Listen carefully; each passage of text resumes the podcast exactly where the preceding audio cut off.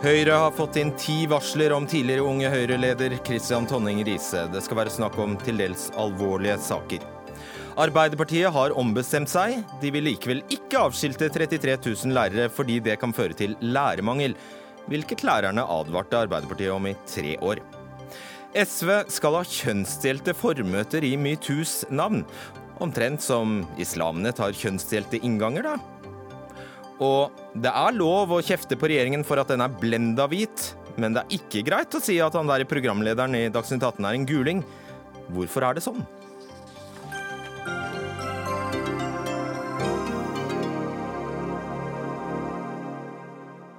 Vi skal eh, straks komme til eh, Høyre-saken. Mitt navn er Fredrik Solvang. I går kom meldingen om at Arbeiderpartiet snur, og likevel ikke vil at kompetansekravet for lærere skal få tilbakevirkende kraft, hvilket de i 2015 stemte for, skriver utdanningsnytt.no. Og med det slipper over 30 000 lærere å bli avskiltet. Men kun hvis de får med seg KrF og skaffer flertall i Stortinget. Martin Henriksen, stortingsrepresentant for Arbeiderpartiet og andre nestleder i utdannings- og forskningskomiteen. Hvorfor har dere ombestemt dere? Det er fordi at For det første så vet vi at vi står overfor en ganske alvorlig lærermangel i årene framover. Og vedtaket om lærernorm eh, som blir fatta i høst, det forsterker den, eh, den eh, lærermangelen. For andre så er det sånn at Lærerne og deres organisasjoner forteller oss at nå, selv tre år etter det vedtaket, så opplever de det som en ganske dyp mistillit til lærere og til profesjonen deres. Så Det mener vi som ansvarlige politikere skal lytte til. Når begynte lærerorganisasjonene å fortelle dere det? Vel, Det som jeg mener er alvorlig, er at de sier at altså, det er sikkert mange politikere som trodde at det ville gå over. Eh, men de opplever det som en eh, ganske dyp mistillit til hele lærerprofesjonen. og derfor har Arbeiderpartiet sagt... Ja, jeg, men jeg spurte Når ja. begynte de å fortelle dere det? At de oppfattet det som en mistillit? Altså Utdanningsforbundet og Skolenes landsforbund sånn, har, jo vært, ja, men de har jo vært mot det uh, vedtaket om kompetansekrav uh, hele veien, helt fra det ble fatta. Så da valgte det den gangen dere fattet det, så valgte dere å ikke lytte? Ja, vi lytta til dem, eh, og det var diskusjon også. og gjorde det motsatte. jo, men altså, vi, fattet, vi var med på det vedtaket, det som Solberg-regjeringa foreslår. Men vi har sett kritisk på det vedtaket. Og vi har leita etter andre måter å sikre kompetanseheving i skolen på. og mener at vi har funnet en bedre vei for å sikre faglig fordyping for lærerne i basisfagene, at lærerne får kompetanseheving etter å videreutdanne seg, enn et vedtak som da, eller en praksis nå, en politikk som er med å både skape mistillit, men også gjøre at mange lærere føler seg avskilta. Bare prøver å finne ut uh, hva det var som gjorde at dere plutselig tre år etter så lyset. Mm. Nei, det, som jeg sier, For det første så står vi overfor en alvorlig lærermangel. Ja, Det har alle visst uh, at ja. vi kunne komme til å gjøre. Jo, og Vedtaket om lærernorm har forsterka det. og det er en lærernorm, bare for å smette inn det, som dere er for. Ja, vi er for det, men ja. Nå var ikke vi med på det vedtaket, Nei, og det er ikke sikkert at vi hadde gått inn for akkurat den lærernormen. Jo, jo. Det, det, er åpenbart, og Derfor har vi også satt av veldig mye mer penger til flere lærere i vårt budsjett enn Høyre og Frp har gjort. Eh, men det er klart at nå får vi tilbakemelding om hvordan det her har virka eh, ute i skolene. og Det er tilbakemelding vi har valgt å eh, lytte til. Og det er klart, Vi gjør oss jo åpen for kritikk fra Høyre eller andre for at man snur, men vi mener at det var riktig å gjøre og gi den beskjeden til landets lærere at uh, vi vil gi dere tilliten tilbake, men styrke andre virkemidler. De skal fortsatt ha etter- og videreutdanning, styrke seg i basisfagene osv. Da åpner vi for kritikken fra Høyre ved Kent Gudmundsen, stortingsrepresentant. Først nestleder i utdannings- og forskningskomiteen. Ja, jeg, Vær så god. Jeg vil bare si her at Det egentlig er ganske skuffende å se Arbeiderpartiet vingle i en rekke saker på utdanningsfeltet. Eh, fraværsgrensa, femårig lærerutdanning og nå kompetansekravene. Vi vet at eh, så langt har vi videreutdanna så mye som 20 000 lærere etter at vi tredobla satsinga på etter- og videreutdanning. Og bare nå inneværende år så er det 4400 lærere som får videreutdanning innenfor nettopp de fagene som vi skal ha kompetansekrav i, som er norsk, matematikk og engelsk. Og jeg mener at vi må ha en gullstandard i norsk skole der vi setter som krav at alle lærere som underviser barna våre, skal ha fordypning i det faget de, de underviser i. Og det, det er en ambisjon som vi stiller oss, og som er veldig skuffende skuffende å se at eh, Arbeiderpartiet nå forlater. Nå gjelder ikke dette alle lærere, nå gjelder det bare de nye som kommer til. Eh, men jeg mener at eh, alle barn fortjener nettopp en sånn mm. undervisning. Henriksen. Jeg Høyre at De er skuffa og er veldig glad for at vi i Arbeiderpartiet ikke lager politikk ut fra hva som gagner Høyre sitt sjeleliv. Jeg kan si at Vi er godt under middels opptatt av om det vi gjør, fører til glede eller skuffelse i Høyre. Det vi er opptatt av, det er jo eh, situasjonen eh, i skolen.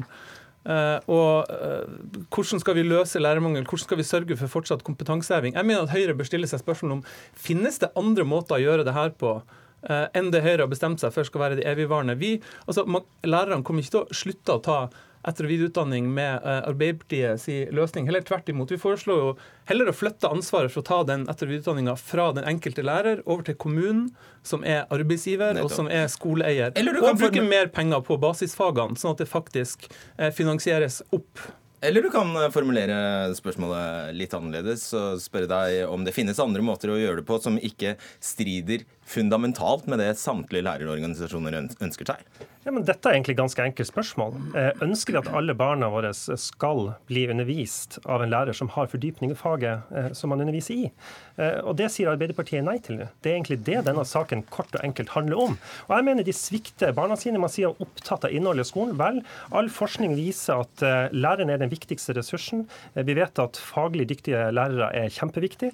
Og jeg må jo også huske for anledninga til denne debatten. Du vet at alle landets lærere sitter og fnyser av deg nå? Ja, men Det aller, aller viktigste vi er nødt til å sikre i norsk skole når vi vet at vi bruker en av verdens mest ressurser på dette, men havner midt på eh, i forhold til resultater, det er jo å løfte eh, undervisninga og løfte nettopp gjennom den videreutdanningssatsinga og kompetansehevinga, den femårige masteren. Yes. Og husk på, syv av ti lærere sa etter de hadde gjennomført videreutdanninga, at de hadde endra måten de underviser på, og mente at de leverte bedre i klasserommet. Altså, det og det syns jeg at vi skal uh, lytte til. og jeg mener Derfor vi må ha ambisjon om at alle lærere skal uh, ja, derfor greit. ha disse kompetansekravene. Du skal få slippe til. Jeg skal bare introdusere Krukset her.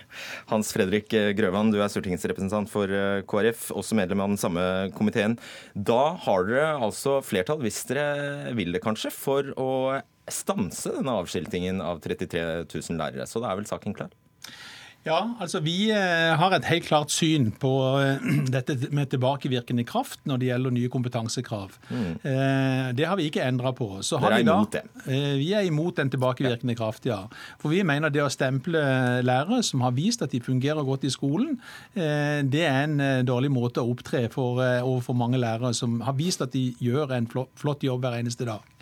Eh, så har vi da eh, i budsjettforhandlingene valgt å prioritere det som etter vår mening er det aller viktigste for norsk skole, nemlig eh, gi alle elever en lik ressurstilgang når det gjelder skolens aller viktigste ressurs, som er læreren. Ja, dere fikk en seier der. Så fikk vi en seier der, og derfor valgte vi å prioritere det. Og en del av den seieren, det var at vi da måtte akseptere de kompetansekravene som regjeringen da hadde valgt å satse på. Og derfor så klarer vi ikke å omgjøre den omvendelsen som Hva er det du sier nå? Du, så du må altså stemme, du må stemme mot et forslag ja, du er veldig for? Ja, vi, vi, må forholde oss til den avtalen vi har inngått ja. med, med, regjeringen. Men uh, jeg hører hva Arbeiderpartiet sier, jeg er veldig glad for det. Men det som jeg også har lyst til å føye til, jeg håper at også regjeringen følger opp når det gjelder andre viktige rekrutteringstiltak for å sikre skolen nye lærere. Og der har vi mange. Vi har en mentorordning, vi har lønn, vi har uh, mange gode forslag som jeg håper at regjeringen vil være Men, positive til. I bunn og grunn, du må stemme mot egen overbevisning. Og ja. egentlig mot all, hele argumentasjonen din, som nettopp går på en bekymring om lærermangel. Sånn er det når vi eh, diskuterer og kommer fram til kompromisser. Men som sagt, lærernormen er en fantastisk seier for norsk skole. Og den eh, ønsker vi å vise at vi skal gjennomføre på en god måte, også gjennom gode rekrutteringstiltak. Og dette visste du veldig godt, Martin Henriksen, så dette er et rent populistisk utspill. Nei, det er det ikke. Det er rett og slett at Arbeiderpartiet har satt seg ned, gått gjennom politikken og sett eh, hva er det riktige å gjøre nå når det gjelder avskilting av lærere. Vi har kommet til det standpunktet vi har gjort. Hva er det du syns dette viser, da? Det, det, her viser jo for det første at altså, For det første vil jeg gi ros til KrF som har fått gjennom en stor seier med innføring av lærernormen. Eh, og så håper jeg at, eh, at, de i løpet av perioden, ikke i denne stortingssesjonen, for det har vi regler mot i Stortinget, men senere i i stortingsperioden kan vi være med å stemme ned den avskiltinga. Jeg vil bare si at altså Høyre prøver å få det her til å høres ut til å være et spørsmål om er man for eller mot lærere med kompetanse. Kent Gudmundsen fra Høyre sa ja, det er et enkelt spørsmål. Vil man at barna skal møtes av lærere med fordyping i faget de underviser i. Det er veldig enkelt å gi et svar på det. Ja, det vil vi. Derfor er Arbeiderpartiet for kompetansekrav. Ja. Men for de nyutdanna òg.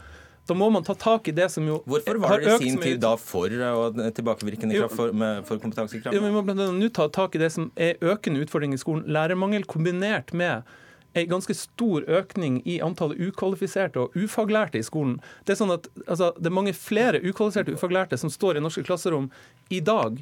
Og det er utfordringen man må ta tak i. Ja. Hvorfor, hvordan argumenterte du da for tre år siden? Hvordan, eh, hvordan lød det fra dere da? Vi sa jo det at det var viktig med økt kompetanse hos lærerne, faglig fordyping. Det sa sånne ting. Ja, og det er viktig i dag også.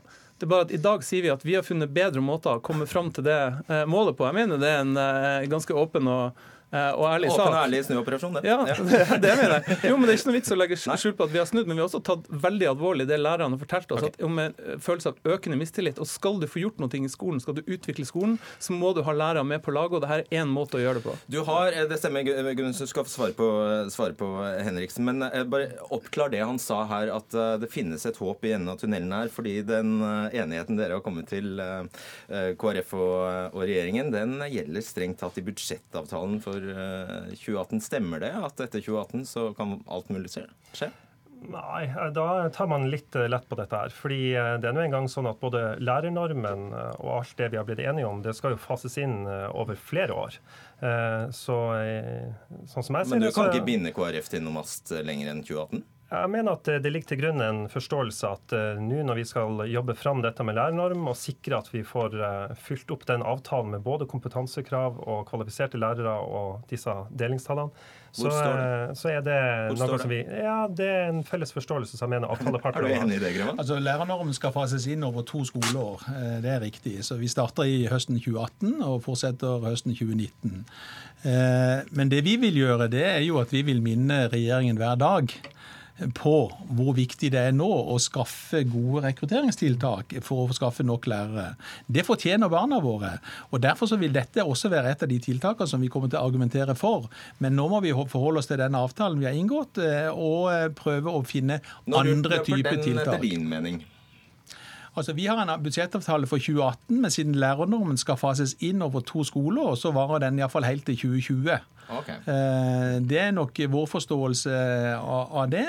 Samtidig så kan vi jo ikke se oss blind på det ene tiltaket. Vi har mange andre tiltak som vi vet virker lærerrekrutterende.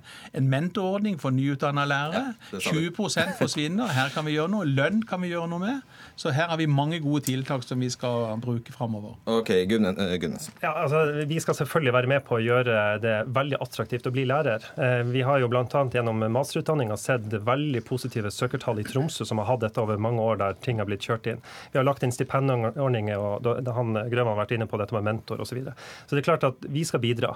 Men eh, til Henriksen så vil jeg bare si at eh, de tallene som vi har fått den senere tid, viser jo på ingen måte noe nytt. Tvert imot vil jeg jo si at eh, vi ser jo nå en nedgang. Altså en, en full mulig nå, måloppnåelse når det kommer til antall lærere som får påfyll. Husk på, SSB la fram i 2014 tall om at 38 000 mangler fordypning i sine fag. Skulle ikke det bare mangle? Det, jo, men selvfølgelig. Men det viser også at vi husker på, vi, Men det er ikke bevis for noen ting, da? Jo, fordi at målsettinga her er 2025. Vi er altså bare i begynnelsen av 2018. Og med 4400 Men de vet jo hva de har i vente, om de ikke gjør det. Og hvis vi eh, videreutdanner 4400 innenfor disse tre fagene nå fortløpende, så vil det si det samme som eh, at vi har eh, absolutt eh, nådd okay. disse tallene. Og dermed så mener jeg at vi er helt i rute.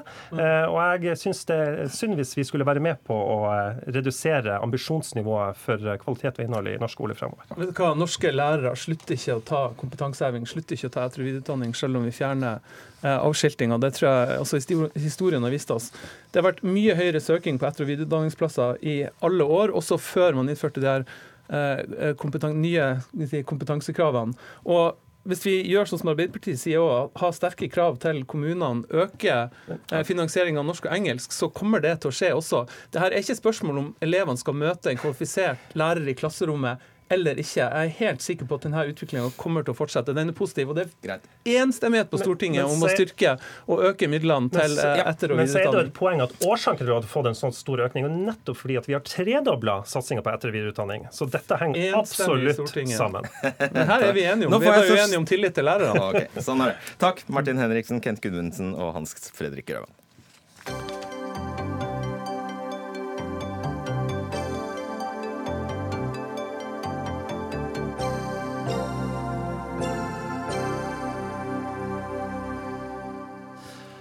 Hvem har visst hva i Høyre om oppførselen til tidligere Unge Høyre-leder Kristian Tonning Riise? Først sa generalsekretæren i Unge Høyre at det ikke forelå noen varsler mot Riise etter at han selv trakk seg onsdag i forrige uke. Riise gikk av etter samtaler med generalsekretær i Høyre Jon Ragnar Aarseth og Unge Høyres generalsekretær Maria Barstad Sanner i slutten av 2017. I en pressemelding har Høyre opplyst at de to ikke var kjent med konkrete varslingssaker på dette tidspunktet.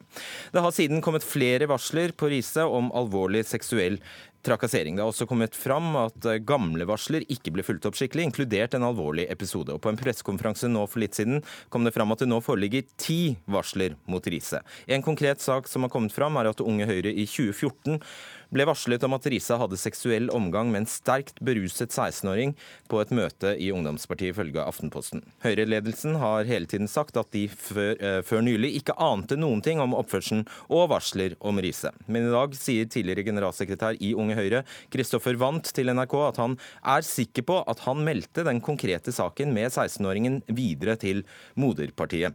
Jon Ragnar Aarseth, du er generalsekretær i Høyre. Er det noen av de ti varslene dere nå har fått om Christian Tonning Riise som er å betrakte som kriminelle forhold? Ja, det um, er ikke opp til oss å vurdere det. Eh, men eh, Ser det, det sånn ut for deg? For oss å tilby eh, Det er viktig for oss å tilby juridisk hjelp til de jentene som har meldt inn sine varsel, slik at de kan få en vurdering av alvorlighetsgraden i, i sakene sine. Men det er helt åpenbart at enkelte av eh, disse sakene er veldig uh, alvorlige. Hva betyr det? Ja, altså, jeg har, eh, og vi har, et tillitsforhold til våre varslere eh, som jeg har veldig stor respekt for. Eh, jeg har lovd eh, at jeg skal behandle de varslene fortrolig. Og Derfor så kan ikke jeg bryte den tilliten og bryte den avtalen og si eh, særlig mye om eh, det innholdet. Men, eh, men, enkelte av sakene er helt klart alvorlige, og, og, da er det viktig for oss å kunne tilby eh, juridisk hjelp, sånn at jeg får en eh, faglig god vurdering av, eh, av innholdet i sakene. Ligner det på seksuell trakassering, noen av disse ti varslene? Ja, seksuell trakassering er det. Det er nettopp det som er fellesnevneren for, eh, for disse sakene. Og så er det ulik alvorlighetsgrad. Ja, nettopp. Eh, virker det da som noen av dem er kriminelle forhold? Ja, Det er akkurat det som er eh, opp til jurister å, å, vurdere, og ikke opp til meg å vurdere. og Det er derfor det er så viktig at vi får tilbudt eh, disse jentene juridisk eh, hjelp. Der, der, de ønsker det, og der, der alvorligheten er, er, er til stede. Hvem er de øvrige fem varslene om? Jeg kan ikke, kan ikke, si eh, noe om eh, personer. Igjen så, jeg, så er det viktig for, eh, for meg å, å, holde på den tilliten som Er det personer som, som i Høyre, eller Unge Høyre, eller hvor? Det er personer i Unge Høyre, men også unge i Høyre. Er de gamle, er de unge? Det er med definisjonen på unge og gammel, da. Men, eh, men unge i Høyre og, og, personer i eh, Unge Høyre jeg kan ikke være mer konkret enn det. Alright. Ble Høyre varslet om episoden med 16-åringen, eller ble Høyre ikke det?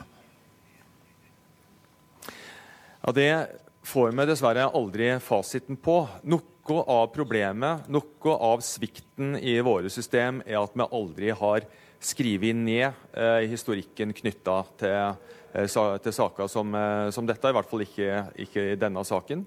Eh, unge Høyre eh, mente at det ble varsla. Min forgjenger mener at det ikke ble varsla. Eh, så den fasiten får vi aldri. Men det som er trist og alvorlig i saken, er jo at denne jenta aldri fikk den oppfølginga ja, ja, det er åpenbart for absolutt alle. Men hvem tror du på av Kristoffer Wandt og Lars Arne Rustad? Jeg, jeg, kan ikke bruke eh, mer av mine krefter på å finne ut hvem jeg skal tro på. Jeg konstaterer at det er to ulike versjoner, og at jeg aldri får fasiten. Eh, og, og, da er det for meg viktig eh, å, å, følge opp den jenta som ikke fikk den oppfølginga som hun skulle da, og sørge for at vi får på plass andre og bedre rutiner framover. Tidligere generalsekretær i Høyre Lars Arne Ryssdal har fått tilbud om å delta i Dagsnytt 18 i kveld, men takket nei og viser til eh, nåværende eh, ledelse. Har, den invitasjonen har vi også gitt til Christian Tonning Riise. Du, eh, dette er jo en sak som får stadig, eller som tar stadig nye vendinger. I ettertid, kjøpte dere Rises egen versjon litt for raskt her. Altså i starten, Det var jo han selv som skrev på Facebook for første gang da han trakk seg, at det ikke forelå noen varsler eh, mot ham. Og Dette ble jo da både, altså både generalsekretæren i Unge Høyre og Høyre eh, bekreftet det, eller ble gjentatt. Hmm. Ja, altså, jeg tror, eh, jeg tror, alle som har fulgt denne saken nøye og i dag, har fått med seg at han fikk klare oppfordringer om å forbedre oppførselen sin fra sine kollegaer i, i Unge Høyre. Eh, og at eh, han tidvis eh, hadde for voldsom omgang med alkohol og sjekka, for, sjekka ivrig og, og, hadde relasjoner til, til yngre jenter. Det var først i, i, i, november i fjor at Unge Høyres generalsekretær tok dette opp med meg og sa at dette er et, dette er et problem. Eh, her, eh, her, må vi jobbe sammen. Nå svarer eh, du det, egentlig det gjort, ikke og... på det. Jeg lurer på om dere i ettertid ser at det var feil å la ham bringe denne nyheten på den måten han gjorde. Han sa altså at det da ikke forelå noen varsler, hvilket har ført til at dere har måttet gå kanossagang etter det. Ja, det er, jo, det er jo riktig at vi har fått avdekka at det fantes varsel som dessverre da aldri ble fulgt opp som det skulle. Eh, ellers så har jo da eh, de fleste andre varsla her kommet inn eh, etter at han eh, trakk seg. Eh, og, og kommet inn til oss nå eh, i de døgna som har gått etter at han gikk av. og hvor vi da i tur og orden har tatt kontakt med disse jentene og fulgt dem opp etter beste evne. Og også unnskyldt på eh, vegne av Unge Høyre og, og Høyre for de opplevelsene som de har eh, hatt. Ja. Kan du forstå at det er vanskelig å tro dere i Høyres ledelse på at ingen har, ingen har visst? Ja, det kan jeg. Absolutt. Eh, for eh, eh det, det, framstår, eh, det framstår merkelig, og det er derfor vi har det såpass, såpass vanskelig sjøl også. Og stiller spørsmåla burde vi ikke skjønt Eh, burde vi ikke ha sett? Eh, burde vi ikke ha eh, tatt eventuelle signal om at han ikke bare var en, var en en, en, festus og offensiv sjekker, men at han også gikk over streken. Ok. Takk skal du ha, Jon Ragnar Aarseth. Fridtjof Jacobsen, kommentator i VG. Hvordan vil du karakterisere Høyre-ledelsens håndtering av denne saken? Rett ved jul så hadde statsminister Erna Solberg en pressekonferanse for eh, mange norske pressefolk. Da ble hun spurt om eh, metoo-sakene, som var under oppseiling bl.a. i Arbeiderpartiet. Og sa eh, litt sånn Nå skal ikke jeg kommentere konkrete saker, jeg vil bare si at her i Høyre så tar vi et oppgjør med dette. Fedrene til eh, unge jenter de kommer og pålegger oss og, og ga inntrykk av at de hadde en helt sunn og god kultur i Høyre. Den, den påstanden eh, ser jo nå eh, nærmest eh, vanvittig ut, ut fra hva vi vet her. Nå er det altså ti varsler mot tidligere leder i Unge Høyre. En politiker som ikke bare var leder i Unge Høyre, men som ble også dyrket fram som et talent. Som ble også dyrket fram i nominasjonskamp i Hedmark. Og det er kommet fem andre varsler nå om folk både i Unge Høyre og unge politikere i Høyre, altså Høyres på en måte stjernegenerasjon under Erna. Eh, det er jo selvfølgelig noe med opptakten til dette her som har vært helt eh, ja, altså Det minner om de tre apene som sitter og holder seg for øyne og, øre og munn.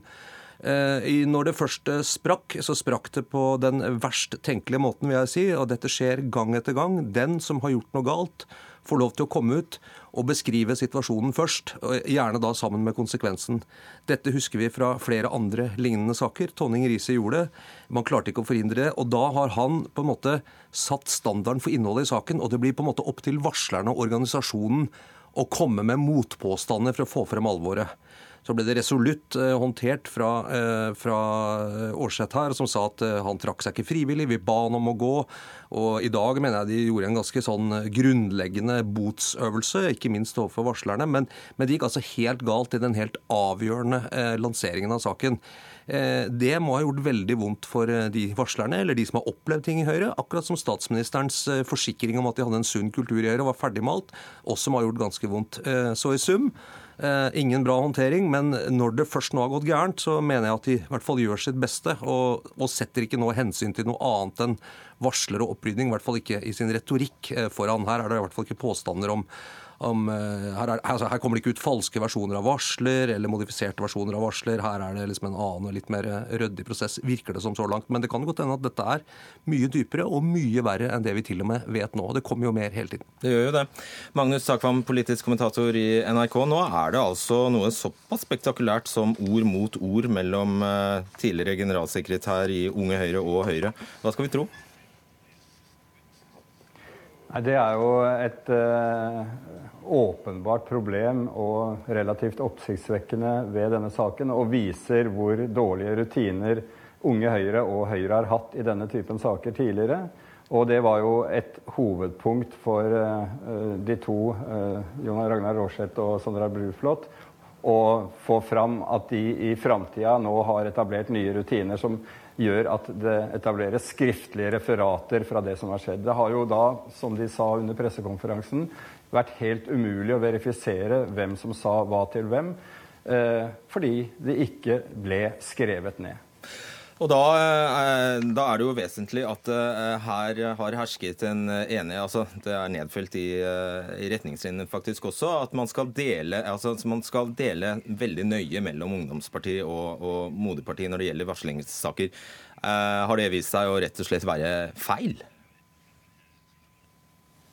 Ja, det har i hvert fall blitt værende nede i organisasjonen. Det helt eh, spesielle som vi opplevde på denne pressekonferansen, var jo at fungerende Unge Høyre-leder Sandra Bruflot erkjente at hun eh, nok har fått varsler eh, som hun burde gått videre med, men som hun i praksis ikke trodde på.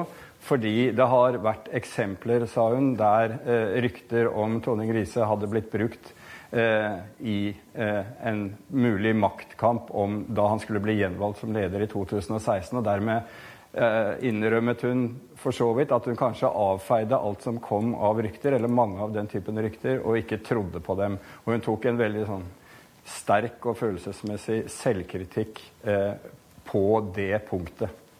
La, meg bare legge til at nå, eh, denne eh, metoo-høsten og alt som har skjedd, har gjort at det har kommet en helt ny erkjennelse og et nytt alvor inn i behandlingen av eh, alt på en måte fra ukultur til det som man kan nærmest kalles overgrep og seksuell trakassering. Men det at det er en fare for i politiske partier at du får alkohol eh, skjeve alders- og maktforhold og forbindelser der som, som er eh, dårlige, rett og slett, og spesielt for den unge eh, og liksom, eh, den som er, ligger dårligst an i maktforholdet, det er kjent. Det var kjent da Venstres nestleder Helge Solheim Larsen måtte gå av. Og det ga en oppmerksomhet rundt akkurat det fenomenet i mange politiske partier. Det var kjent i saken om Roger Ingebrigtsen, akkurat det samme typen fenomen. Eh, og det var også kjent i saken med Trond Birkedal i Frp, som også ble en rettssak, men som også handlet om en sånn partikultur. Det er ingen unnskyldning for politikere, heller ikke ungdomspolitikere, å si at dette er et nytt fenomen. At det er fare for trakassering, uheldige situasjoner, dårlige opplevelser og i viss grad også overgrep når det gjelder akkurat denne typen miljøer. Og når man nå hører beskrivelser som at ja, vi visste han var var en festus, og han drev kanskje med litt aggressiv sjekking og, og, var glad i å drikke og sånn, da mener jeg man har vært bevisstløs etter de sakene som har vært før 2014. Og Det vitner jo om at det er liksom kanskje først nå denne høsten at man faktisk skjønner at dette er en latent fare som må håndteres. Det er mye bra i eh, partier som er en slags sånn subkulturer, hvor folk er venner og fester sammen og har det gøy sammen, og noen finner hverandre, som dagens leder og forværende generalsekretær. Det er også greit.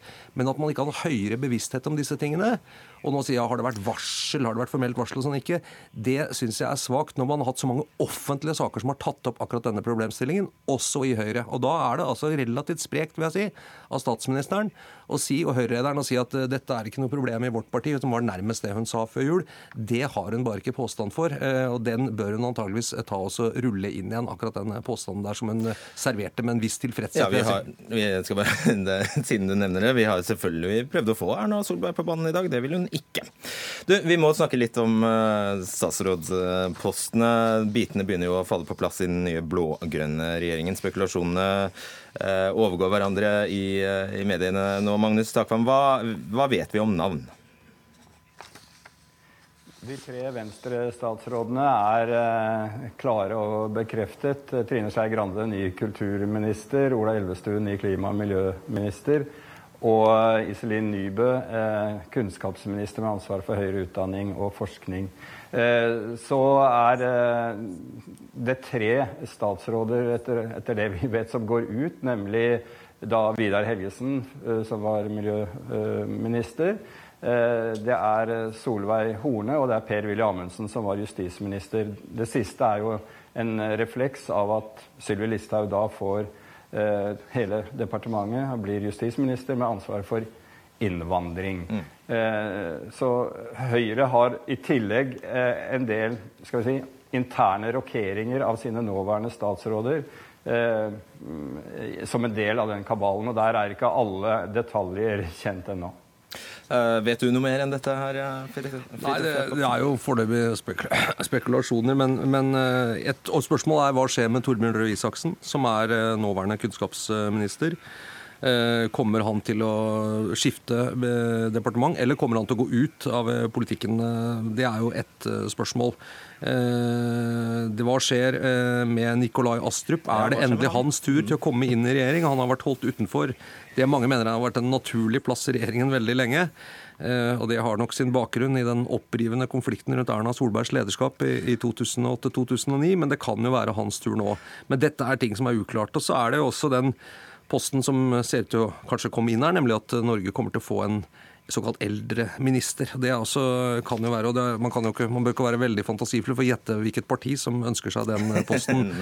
Eh, men, men, det er kanskje ikke så dumt tenkt for å nettopp for å synliggjøre at denne regjeringen eh, kjører en økonomisk politikk som, eh, som, kommer eldre og pensjonister i Norge til gode hele tiden. Og de vil få mer ut av det ved å ha en egen eldreminister. Mm, og så skriver din egen avis nå i, faktisk at Jan Tore Sanner kan bli ny kunnskaps- og integreringsminister, faktisk.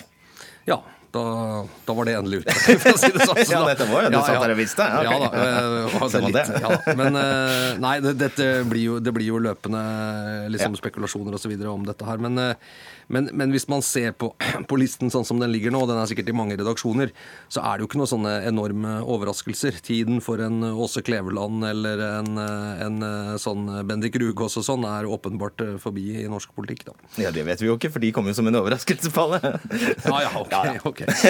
Magnus Takvam og Fridtjof Jacobsen, takk skal dere ha.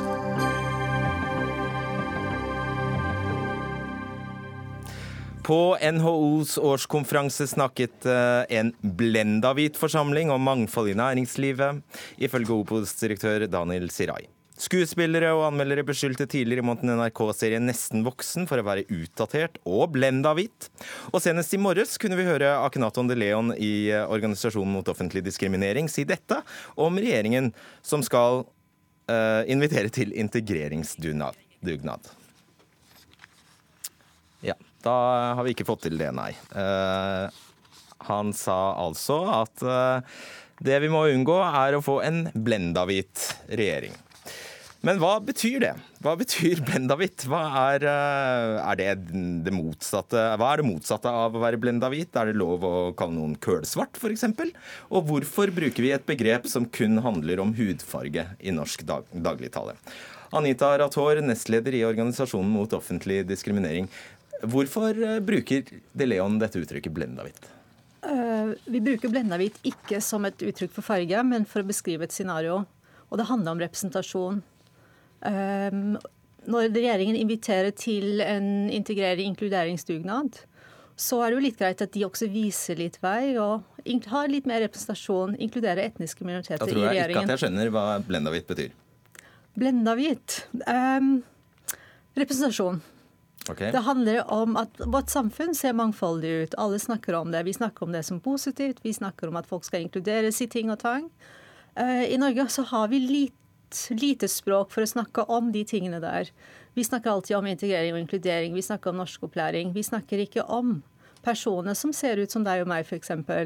Um, som er en del av samfunnet, som kan språket, som har tatt utdanning, og som skal på en måte også være med på representasjonsbiten. Men bare hjelp meg å forklare, eh, forstå. Altså, eh, når De Leon snakker om at vi må unngå et blendahvitt storting, så snakker han om at det ikke finnes noen med brun hud i det stortinget. Er det sånn? Han snakker om etniske minoriteter. Ingen med etnisk minoritetsbakgrunn. Og det er noen i Stortinget. Nei, unnskyld, han snakker om regjeringen. Ja. Unnskyld, nå, nå blander Han snakker selvfølgelig om regjeringen, men eh, samme det. Mm. Eh, da snakker han om at OK, så ja. det er snakk om etniske minoriteter mm. han etterlyser. Ok. Eh, hva da med, Hvis vi snakker om Stortinget, hva da med en jødisk Jubenkov eller en, eh, en samisk Helga Pedersen?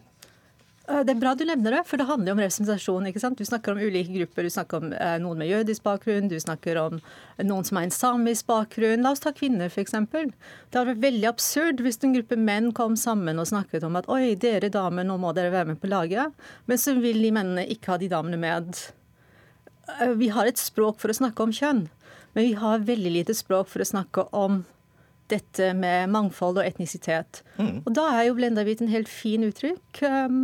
Um, det gir folk ulike assosiasjoner, men alle skjønner på en måte hva det handler om. Du er klar over at noen ikke liker det uttrykket? Eh, men det er jo veldig mange som ikke liker mange ting. Og det jeg ser veldig ofte, de som ikke liker det, det er fordi at uh, Ta Fafo, f.eks. De, de, de legger opp til en konferanse i neste uke. I utgangspunktet så hadde de åtte um, um, personer med altså sant, etnisk norske, um, europeisk bakgrunn, hvit, som skulle snakke om mangfold i arbeidslivet uh, og inkludering. Og fordi man på en måte sier fra og man på en måte Oi, blenda hvit panel om mangfold og rekruttering. Så ser man at de fikk en endring til. Ja, Nå er det kommet noen for, ja. med minoritetsbakgrunn inn. Så det viser seg at folk snakker veldig ofte sant, om at um, det finnes ikke noen som er kvalifisert. Så det er et retorisk virkemiddel? Yes. Ok. Men det er jo ingen, ikke noe kompliment, det kan vi være enige om. Um, altså Noen kan kanskje ta det som et kompliment. det å være blenda vel, jeg vet ikke helt. ok. Ma uh, Mahmoud Farahman, du er tidligere leder i LIM, som, for, som, står for likestilling, inkludering og mangfold. Nå er du samfunnsdebattant og Høyre-politiker. Hva syns du om begrepet blendahvitt? Nei, altså Det som eh, nevnes der, som jeg syns er litt underlig, er at man drar fram det språklige aspektet her. Eh, det som er ganske interessant å se er at Det norske språket er ganske ordrikt. Eh, hvis man ikke bruker norsk, så kan man bruke engelsk. altså Man kan snakke om diversity, racial diversity, og så kan man snakke om mangfold.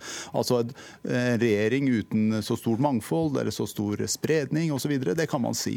Det som er litt av utfordringen her, som jeg reagerer på, er denne forskjellsbehandlingen. Nå er det jo heldigvis veldig få som tør eller er krenka. Men det, det her her skaper rom for en forskjellsbehandling som er svært så uheldig. Kun for eh, noen dager siden så satt jeg i en debatt og diskuterte Coolest Monkey-genseren til henne som Maurits, som nå har medført at butikker i Sør-Afrika raseres. Det var altså ikke greit. De samme menneskene som satt og um, var svært så kritiske etter Hennes og Maurits bruk av uh, reklame- eller frontingsstrategi, sitter nå og sier at det er greit å bruke ordet blendahvitt. Og så er ikke det en diskusjon om hvor hvorvidt eh, selve, altså hvorvidt regjeringen eller, eller, Stortinget er mangfoldig nok. Men det er dette uttrykket som jeg reagerer på, som jeg syns er litt, eh, litt, eh, interessant. Og ikke minst å legge merke til hvordan man på en måte resonnerer seg bort fra eh, kanskje budskapet om at det er hvite mennesker som sitter i regjeringen, og prøver å liksom beskrive det som noe helt annet. Okay, ja. Ja. Rator, jeg vet ikke om du mente noe om den genseren med apekatten på i det hele tatt, men du skal skal få svare veldig raskt. Altså, jeg har lyst til å komme tilbake til ordet blendahvit. Jeg tror um, her har du et internasjonalt språkbruk også hvor man snakker om svart-hvit, som ikke handler om hudfarge. Det handler om majoritet, minoritet. Det handler om makt, ikke, altså å ha mindre makt.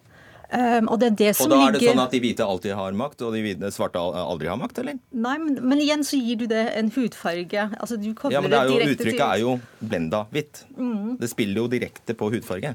Men her i Norge så har jo personer som har etnisk norsk bakgrunn, de har på en måte en helt annen definisjonsmakt og makt til å inkludere, f.eks. i um, regjeringen. Så tror vi begynner å skjønne litt mer. Ja. Greit. Eh, Laura Maria Fyhrer, du er stipendiat ved Institutt for sosiologi og samfunnsgeografi ved Universitetet i Oslo. Er blendahvitt et heldig begrep? Nei, det vet jeg ikke. Eller det syns jeg er en diskusjon som er kjempeviktig, som vi må ta. Men det at vi i det hele tatt trenger et uttrykk eh, for å kritisere ikke-representasjon av etniske minoriteter, det mener jeg absolutt. Og siden du i begynnelsen spurte hva som egentlig var det motsatte av blenda hvitt, og om det kunne være noe som Hva sa du? Kølsvart, ja? Det syns jeg absolutt ikke. Det motsatte av blenda hvitt ville jo da være Um, fordi Blendahvitt ble jo ikke brukt om enkeltmennesker, det ble jo brukt om grupper. F.eks. en regjering, f.eks. skuespillerkasten på en TV-serie, eller uh, sammensetning av en regjering, eller elever som går på en skole. Så da ville jo det motsatte av å si at den gruppen her var blendahvitt, ville jo da være å si at det var en gruppe som faktisk gjenspeilte altså etniske sammensetninger i befolkningen. Kan man ikke si eller? det om en gruppe man eh, observerer eh, på Grønland f.eks., at den var kølsvart? Nei, det syns jeg ikke man kan si. Nei. Eh, hva er grunnen til at man ikke kan si det? Det, det er helt klart og tydelig. Det ligger i maktforhold i samfunnet. Eh, og at man må jo, som du sa, du spurte jo er det alltid sånn at hvite har mer makt enn svarte. Eller enn ikke-hvite. Nei, sånn er det jo absolutt ikke. Man må jo alltid se eh, på den nasjonale konteksten, da. Men i Norge, som, som, i egentlig alle andre europeiske land, er det jo sånn at vi har på en måte en nasjonal majoritetsbefolkning som har definisjonsmakten, helt sånn som Anita sa. Og eh, så har vi forskjellige eh, etniske minoritetsgrupper som har mindre av den makten. Og hvis man, sier, hvis man bruker ordet hvit, så bruker man det jo ja, OK, det går litt på hudfarge, da, men det går egentlig også på den sosiale betydningen som hudfarge har opparbeidet seg gjennom historie, og som den fortsatt har i dag. Så når folk Så det er enig, det blir litt sånn stygt og ekkelt. Og å gå på hudfarge på den måten, men man må jo også få frem den kritikken ved å si at her var det blenda hvitt, her manglet det representasjon. Okay, Beklager, altså, men jeg, jeg, sitter her og jeg må med all respekt melde at jeg hører en masse, masse ord og masse argumentasjoner for å egentlig komme seg unna kjerneproblematikken. Og dette her blir litt sånn litt underlig. Um, fordi realiteten er, hadde man brukt samme begrepsapparat om noen annen eh, gruppe basert på hudfarge, så hadde valgt eh, reaksjoner. Og poenget mitt er ikke Gi et eksempel på det, er du altså, snill. Du Gi et eksempel på altså, det, Farman. Er du, ja, altså, for ja. å si det sånn, Hvis jeg sitter på Grønland og sier se på alle disse eh, brune menneskene, sjokoladebrune menneskene eller banangule menneskene gå forbi, så hadde det valgt reaksjoner. Men så er, altså, jeg, jeg er i og for seg ikke uenig i at man burde etterstrebe mangfold. Jeg leder selv et mangfold mangfoldsutvalg i Høyre og jobber med de tingene det daglig. Men, men, poenget mitt er at dette her blir litt, litt, litt, underlig. At man konstruerer seg bort fra den realiteten at man bruker på sett og vis et nedsettende kommentar. Og så drar man inn internasjonale maktforhold som Norge historisk sett ikke har vært en del av. Hvis du spør de hvite i Zimbabwe om uh, hva de syns om Blendavit, så tror jeg du får et helt annet svar, som det også påpekes her, enn at hvis du spør okay. hvite et annet land. Uh, Rator, et uh, spørsmål som jeg har lurt på personlig. Jeg finner meg ikke i at noen kaller meg guling, f.eks. Men dette begrepet blendahvitt eh, Jeg må jo innrømme at jeg, prinsipielt så klarer jeg ikke å se den store forskjellen. Greier du? Uh, guling går på deg personlig. Blendahvitt beskrives som Gulinger, da. Ja. Det beskriver et scenario. Og igjen, jeg la merke til Farman var litt opptatt av engelske begrep og snakket om um, racial diversity. Altså, han snakker om race. Sånn at det, det, er et eller annet sammenheng her. Eh, når vi ikke har et språk for å snakke om ting. Blenda hvit sier noe, og folk får eh, De ser det med en gang når du snakker om det. Og man får en tankeprosess, og det er den som er viktig. For det gjelder på en måte å få folk til å tenke at oi For det viktigste er tross alt Um, og se på hva det egentlig handler om. Det handler om representasjon. Og det å jobbe med representasjon er viktigere enn noe annet. Og det at dette ordet her vekker litt sånn um, en diskusjon, er kjempebra. fordi at det eneste vi har låst oss fast i hittil, er de må integreres, de må inkluderes. Og så snakker man om norskopplæring. Sånn, alle oss som ikke skal på norskkurs, Eh, som da skal være med og representere Norge på ulik vis. Du, du vet hva, Farman. Eh, vi får ta resten av den diskusjonen eh, en annen dag. Tiden løp fra oss her. Takk skal dere ha, Anita Rathor, Laura Maria Fyrer og Mahmoud Farman. Bare hyggelig.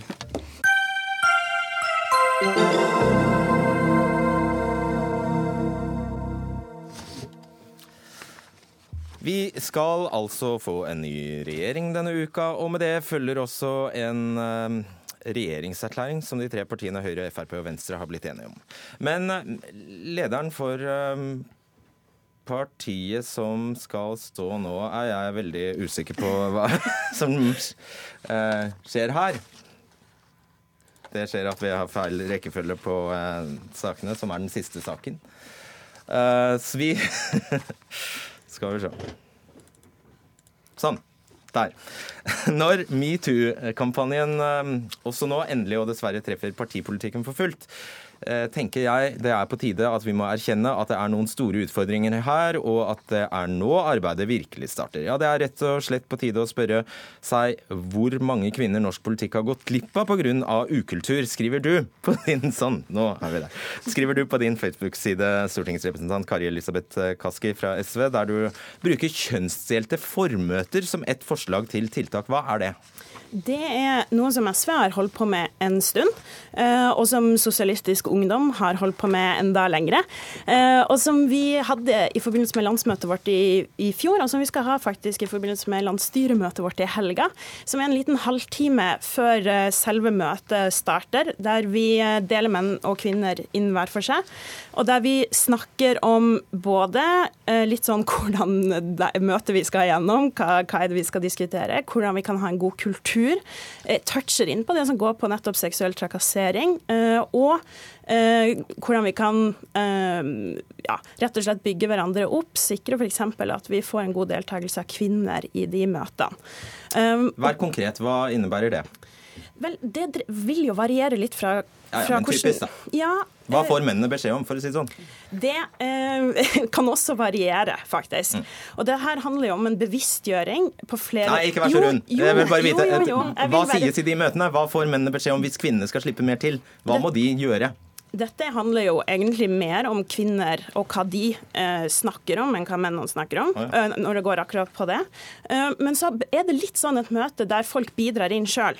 Så dette er ikke så mye at én står og prater og gir beskjed, men at man bidrar inn med ulike perspektiver. Og hvis jeg bare kan få si litt sånn akkurat hva som ja, Jeg syns du har misbrukt sjansen din. Altså, jeg ba deg om å være konkret. Jo, men hvis jeg kan si hva, som, hva det her skyldes, da, og hvorfor vi Nei, gjør det, så er det, for, det, så er den ja. begrunnelsen er at det her handler om et bevisstgjøring på to plan. Det ene er at kvinner er grovt underrepresentert i norsk politikk på mange nivåer. Ja. Også eh, ser vi det på møter i deltakelse, hvor mange som går på talerstol. Ja, det er derfor jeg vil ha et eksempel fra deg ja, på kan, hva som sies i de møtene som gjør at kvinner kommer til. Del vil jo det kunne snakke om hva skal til for at man ønsker å gå på talerstolen som kvinne. Hvordan skal vi liksom bygge hverandre opp oppfordre hverandre til å ta ordet.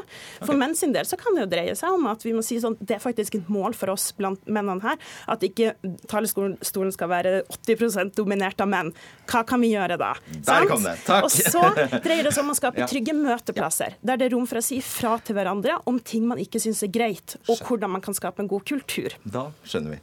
Åshild Brun Gundersen, du er stortingsrepresentant for Fremskrittspartiet. Du har faktisk kalt dette her for nedverdigende. Hvorfor det? Ja, det er klart det er nedverdigende. Det SV implisitt sier her, er at damer tåler ikke å være i samme rom med menn, for da tør de ikke ta ordet, de tør ikke delta i debatten, og man må lage et eget arrangement for det. Og det SV egentlig beviser her, er jo at man har tapt litt terreng i kvinnekampen. Tidligere så snakka jo SV veldig varmt om å ha kvotering og få likestilling i arbeidslivet, lik kjønnsdeling, men nå tar man altså damene ut av eh, resten av arrangementene og har et eget opplegg for det. Og det mener jeg er veldig nedverdigende. Og det minner meg jo litt om eh, andre land og kulturer som man vanligvis ikke liker å sammenligne seg med. Og da er jo egentlig spørsmålet mitt til SV hvor har man henta denne inspirasjonen fra? I hvilke land og hvilke kulturer så har man gjennomført segregering på en måte som har bringa suksess? Eh, og hvorfor tror du at dette her kommer til å fungere i Norge? Jeg mener at metoo har vist oss at det er en ukultur i norsk politikk. Jeg tror at metoo og, og den seksuelle trakasseringa, det maktmisbruket som har foregått i norsk politikk, som foregår helt sikkert fortsatt, har bidratt til at mange kvinner uh, har slutta i politikken, eller uh, ikke valgt å bli med. Ja, Du stilte og, et helt annet spørsmål ja, til deg, men ja, la meg stille et annet. Og, du, hva er den prinsipielle forskjellen på kjønnsdelt svømmeundervisning eller separate innganger for menn og kvinner som Islamnett holder på, og det det du driver med? Så jeg syns det er synd at vi får en så useriøs debatt rundt det. Vi arrangerer altså ikke, synes, vi anser, arrangerer altså ikke kjønnsdelte landsmøter eller kjønnsdelte landsstyremøter. Vi har en halvtime i forkant, og metoo har vist oss at menn og kvinner møtes med ulike forventninger. Er forskjellen hvis jeg bare kan få fullføre ja, Du svarer faktisk ikke på spørsmålene, så det er derfor du blir rabbet. Metoo har vist oss at menn og kvinner møtes med ulike holdninger, ulike utfordringer. Det tenker jeg at det er naturlig å snakke om hver for, for seg de, med de to kjønnene, eller det man måtte identifisere seg som. Men hvis Frp har erfaringer fra andre tiltak, f.eks. fellesformøter, at det har bidratt til å redusere den seksuelle trakasseringa, eller bidratt til at kvinner blir mer representert, så skal jeg gjerne lytte til det.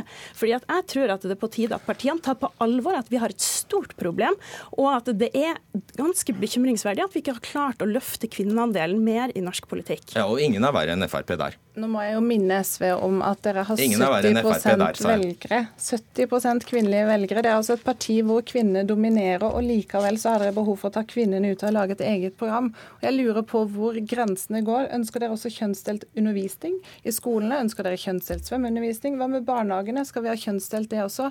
Jeg mener dette viser et nedverdigende kvinnesyn. Vi ser på regjeringa i dag. Nå skal den ledes av tre synlige kvinnelige politikere som absolutt ikke har kommet dit fordi de har vært med på et segregert opplegg i partiene sine. De har kommet dit fordi de er best.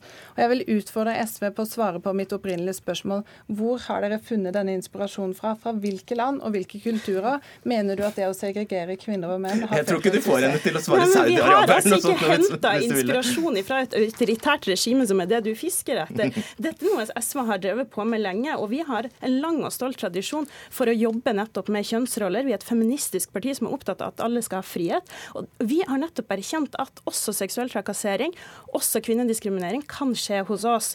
Derfor så tar vi det på, på det største alvor. Men så har vi også lykkes med at nesten 50% av våre listetopper ved kommunevalget var kvinner. Vi etterstreber at det skal være likt, mens det var 20% i Frp.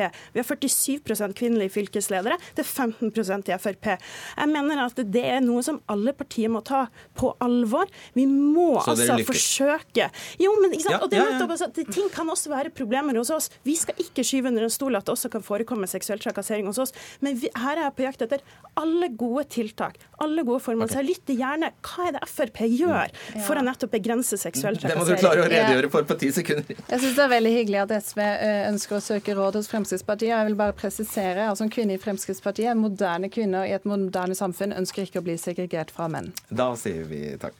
Kari Elisabeth Kaski og Silplund Gundersen.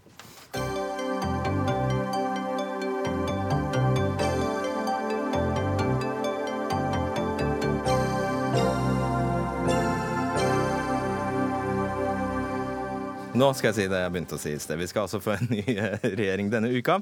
Eh, lederen for partiet som har valgt å stå utenfor eh, moroa her, KrF-leder Knut Arild Hareide, reagerer på det som mangler i erklæringen. Nemlig på sin Facebook-side skriver han en av de tingene jeg reagerer mest på, er at den bærer preg av at Venstre har fått gjennomslag for en nokså ytterliggående sekulær tilnærming. Alle referanser til vårt felles verdigrunnlag fra kristendommen og de humanistiske verdiene er helt borte.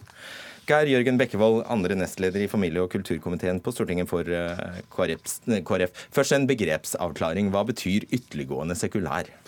Og Det er jo eh, sånn som vi f.eks. ser det i Frankrike, hvor alt som har med, med kristne eller med religiøse symboler, eh, dialog, diskusjoner, skal på en måte ikke være en del av det offentlige rom.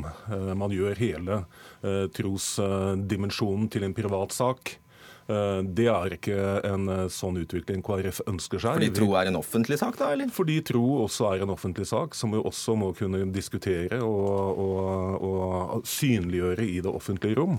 Dette er en dimensjon uh, som er så utrolig viktig for så mange mennesker i dette landet, at det å gjøre på en måte denne dimensjonen bare en privatsak, og ikke være gjenstand engang for en politisk diskusjon, det synes jeg, det, det, da går vi i en feil retning. Eh, og Jeg er jo enig med min partileder i at dette er ganske oppsiktsvekkende. For dette er den første regjeringen som legger fram en erklæring der man ikke henviser til vår kristne og humanistiske arv. Mm. Og dermed så er en del av det som handler om hva slags verdier skal denne eh, regjeringen bygge sin politikk på, det blir et åpent spørsmål. Eh, og det er, det er ganske oppsiktsvekkende ja. at eh, man har dette for første gang. Tone Wilhelmsen Trøen, leder i familie- og kulturkomiteen for eh, Høyre. Hvor ble det av denne setningen som sto der i forrige plattform? Regjeringens verdiforankring vil ligge i den kristne og humanistiske kulturarv. Hvor ble den av? Ja, for det første så har jeg lyst til å si at Det står faktisk i grunnloven vår, i, i paragraf to, at vår nasjons verdigrunnlag er den kristne og humanistiske arven. Eh, jeg representerer jo Høyre, som da er det største eh, regjeringspartiet, som også har det i vår formålsparagraf, om et kristent humanistisk verdigrunnlag. Ja, og Så kan du svare på spørsmålet mitt. Hvor ja, ble det av den setningen? Jeg har ikke forhandlet eh, på Jeløya. Men, okay, men hvorfor er den ute, da? Men jeg har merket meg at det står veldig tydelig at Den norske kirke har en historisk særstilling i plattformen. Og det er ingen tvil om at mange av de verdiene som gjennomsyrer eh, plattformen, eh, er nettopp eh, tuftet på det som på en måte bærer vårt samfunn. Og jeg har lyst til å minne om igjen at det står faktisk i Grunnlovens paragraf 2. Så jeg syns det er litt, litt, dramatisk, det KrF Det står Den norske kyrkja er evangelisk-luthersk kirke, står ved lag som den norske folke, folkekyrkja og blir stødd som det av staten Bekkevold. Ja, står i Grunnloven. Det, står i Grunnloven, og det er jeg jo veldig glad for at vi også har fått inn i Grunnloven. Eh, men, men, ja, men da trenger jo ikke en regjering å stadfeste det, på en måte. Det er poenget. Jeg syns det er utrolig viktig at en regjering som legger fram en, en regjeringserklæring, også forteller hva slags verdier man skal bygge eh, politikken på. Eh, det har alle regjeringer gjort fram til nå. Også de to Stoltenberg-regjeringene gjorde det. Eh, så det er et historisk linjeskifte vi er eh, vitne til her. Og vi må huske på at Det lille avsnittet som står om, om, om dette temaet, handler for det første om, om likebehandling mellom trossamfunn, altså hvordan det skal finansieres. Og så står det denne setningen om at tro og livssyn det hører hjemme i det private sfære. Det står Den norske kirke har en historisk og størrelsesmessig særstilling. Ja, det, er, eh, det ville vært oppsiktsvekkende det også, hvis jeg hadde sagt noe annet. Men så er vi også nå midt i et skille eh, mellom stat og, og, kirke. Vi skal vedta en ny eh, lov om eh, trossamfunn nå eh, i den perioden som kommer. det er utrolig viktig også at vi holder trosfriheten høyt. Eh, i Norge. Det er en viktig verdi. Og så er det jo mer enn ti år også siden KrF eh, sa at det var riktig å skille stat og kirke. Og det arbeidet er man jo eh, i gang med. Det er viktig at det er likhet for loven for alle trossamfunn. Og jeg mener at når vi da både har den tydelige forankringen i Grunnloven eh, Jeg er glad for at mitt parti har dette i sin formålsparagraf også, at vi skal være tuftet på den kristne, humanistiske eh, arven. Eh, da mener jeg at KrF ikke behøver å bekymre seg så mye, men kanskje heller kan jobbe konstruktivt sammen med oss disse fire årene, sånn som dere har gjort tidligere. Slik at vi sikrer disse viktige verdiene. KrF kommer til å være et konstruktivt opposisjonsparti, og som kommer til å være veldig foroverlent når vi også diskuterer det som har med tro og livssyn å gjøre. For nettopp fordi at det er så viktig for så mange mennesker. Eh, men allikevel, altså her er man lett å bli formalistisk, og så peker man på Grunnloven. Eh, jeg mener allikevel at det lille som står, eh, egentlig viser at her har Høyre og Frp, som i Sundvold-erklæringen syntes det var viktig å ha med disse formuleringene, forhandlet dette bort i forhandlinger med Venstre. Og det er jeg litt redd kan du bekrefte, ja, jeg bare Få en bekreftelse eller avkreftelse på det? Nei, det, det kan jeg verken bekrefte eller avkrefte, hvorvidt dette har vært uh, temaer som er Så det forblir et mysterium hva som har skjedd her? Altså. Nei, det, det, er ikke det. Men jeg mener at det er så mange andre grunnleggende verdisetninger i den plattformen. Og jeg mener at vi så, har et så forankret forhold uh, til uh, Den norske kirke, slik vi har sagt i, i plattformen, den har en særstilling i vårt samfunn. Men samtidig så er det viktig at vi tar inn over oss dette skillet som vi er i ferd med. Du får ti sekunder. Ja, nei, Jeg syns ikke at det at det står i Grunnloven trenger å være noen sovepute for denne regjeringen. Det er utrolig viktig at vi også i det offentlige rom gir plass Eh, for, eh, for tro og livssyn. Det er som sagt eh, så viktig for mange som har denne himmelen over sitt liv. At Tror du ikke de greier det uten at det står i regjeringserklæringen? Det er utrolig viktig at vi som politikere legger til rette for å ha disse møtestedene, og ikke bare i en privat i Ja, Da endte vi med enighet. Topp. da. Tone Wilhelmsen Trøen og Geir Jørgen Bekkevold. Dere fikk avslutte Dagsnytt 18 i dag. Arnhild Myklebust, Finn Lie og Fredrik Solvang sier god kveld.